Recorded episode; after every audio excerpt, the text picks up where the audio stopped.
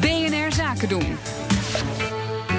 Ondernemersdesk. Kansen zien en risico's aandurven gaan, dat hoort bij ondernemerschap. Vandaag in de Ondernemersdesk Kansen en risico's. Het faillissement van Watermelon, de chatbotdienst, had een eh, gedurfde start... waarin ze tegen de regels van WhatsApp in toch gebruik maakten van de app.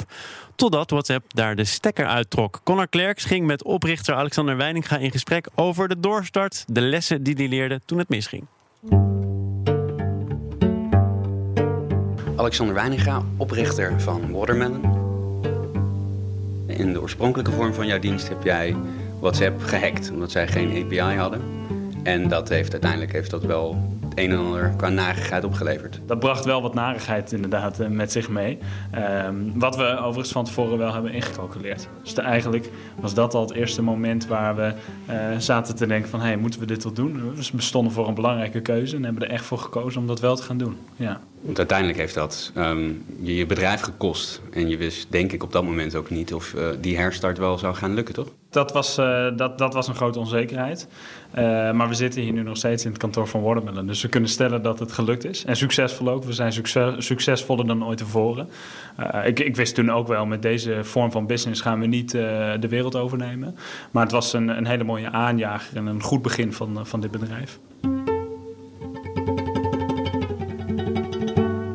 Je het eigenlijk voor elkaar gekregen? Want je had best wel grote klanten, uh, best wel grote Nederlandse bedrijven, instanties die hiermee meegingen. Maar je hebt eigenlijk altijd open kaart gespeeld over het feit dat WhatsApp hier de stekker uit kon trekken.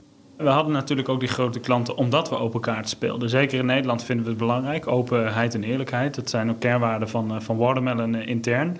Uh, ook naar buiten toe is dat gewoon essentieel. Waarin we dat vroeger met de eerste klanten, ja, hadden we dat nog niet helemaal verteld. Want ja, weet je, je hebt net je klanten, het is nieuw voor je. Je denkt, nou, weet je, je gaat gewoon aan de slag. Je denkt daar nog niet heel erg over na. En dan zie je de eerste moeilijkheden eigenlijk al ontstaan. Dan denk ik van, oké, we moeten wel eerlijk en open zijn naar onze klanten. Het is gewoon heel belangrijk dat we dat uh, benoemen en dat we dat bespreekbaar maken, zodat ze ook de risico's kunnen inschatten voor zichzelf en kunnen bepalen: gaan we iets met WhatsApp op dit moment doen of niet?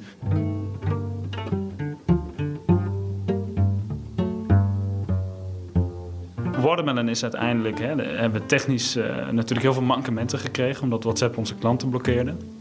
Uh, daarnaast hadden we de juridische druk van WhatsApp.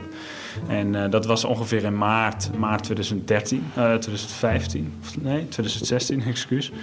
Um, en, en, en, en nou, dan, toen, toen zijn we al gaan nadenken van, joh, wat moeten we doen? Toen stonden we al voor een hele moeilijke keuze. Want uh, ja, je merkt gewoon dat het moeilijk begint te worden. Je hebt een bedrijf, je hebt mensen in dienst, je hebt klanten en die betalen ervoor. Dus de vraag was, wat gaan we doen? Nou, toen zijn mijn compagnon en ik uh, zijn we verder gegaan uh, met, met de business. We hebben besloten, oké, er is druk. Zij weten nu wat wij aan het doen zijn. Dat is op zich niet zo erg. Uh, dus laten we gewoon kijken waar, waar, waar we naartoe kunnen. En toen hebben we uiteindelijk in, in juli 2016 hebben we er bewust voor gekozen om uh, surseance verzoek in te dienen, surseance van betaling.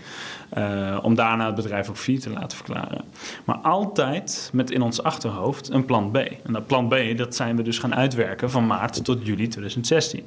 En dat is eigenlijk wat niemand weet. Iedereen dacht dat we maar als ja, halve zolen met het bedrijf doorgingen. Maar eigenlijk waren we bezig met een plan B creëren.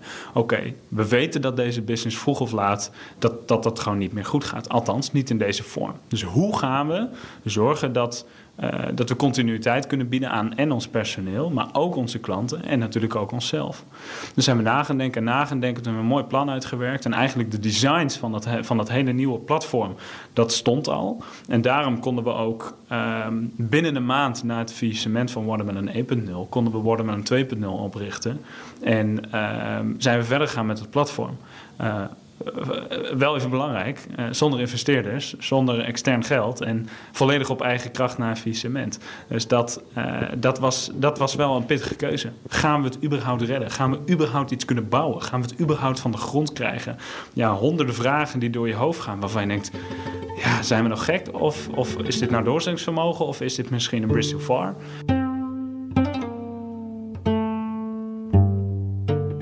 Had je zonder eigenlijk wat je geleerd hebt van Watermelon Nee. 1 dit neer Nee, kunt zetten? en, en daarom, mensen vragen ook wel eens, heb je spijt dat je Watermelon 1.0 hebt opgericht? Of dat je, dat je toen dat risico hebt genomen? En ik zeg altijd, ja, geen enkele seconde.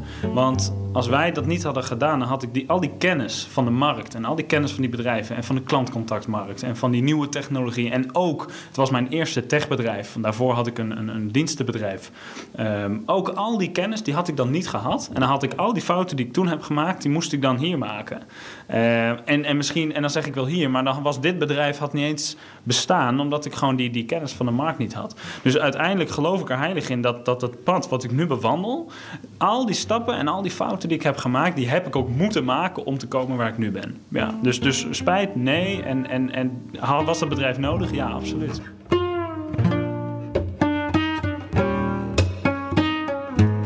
In gesprek met Watermelon-oprichter Alexander Weininga. Ondernemersdesk Kansen en Risico wordt mede mogelijk gemaakt door Atradius. Verzekerd van betaling.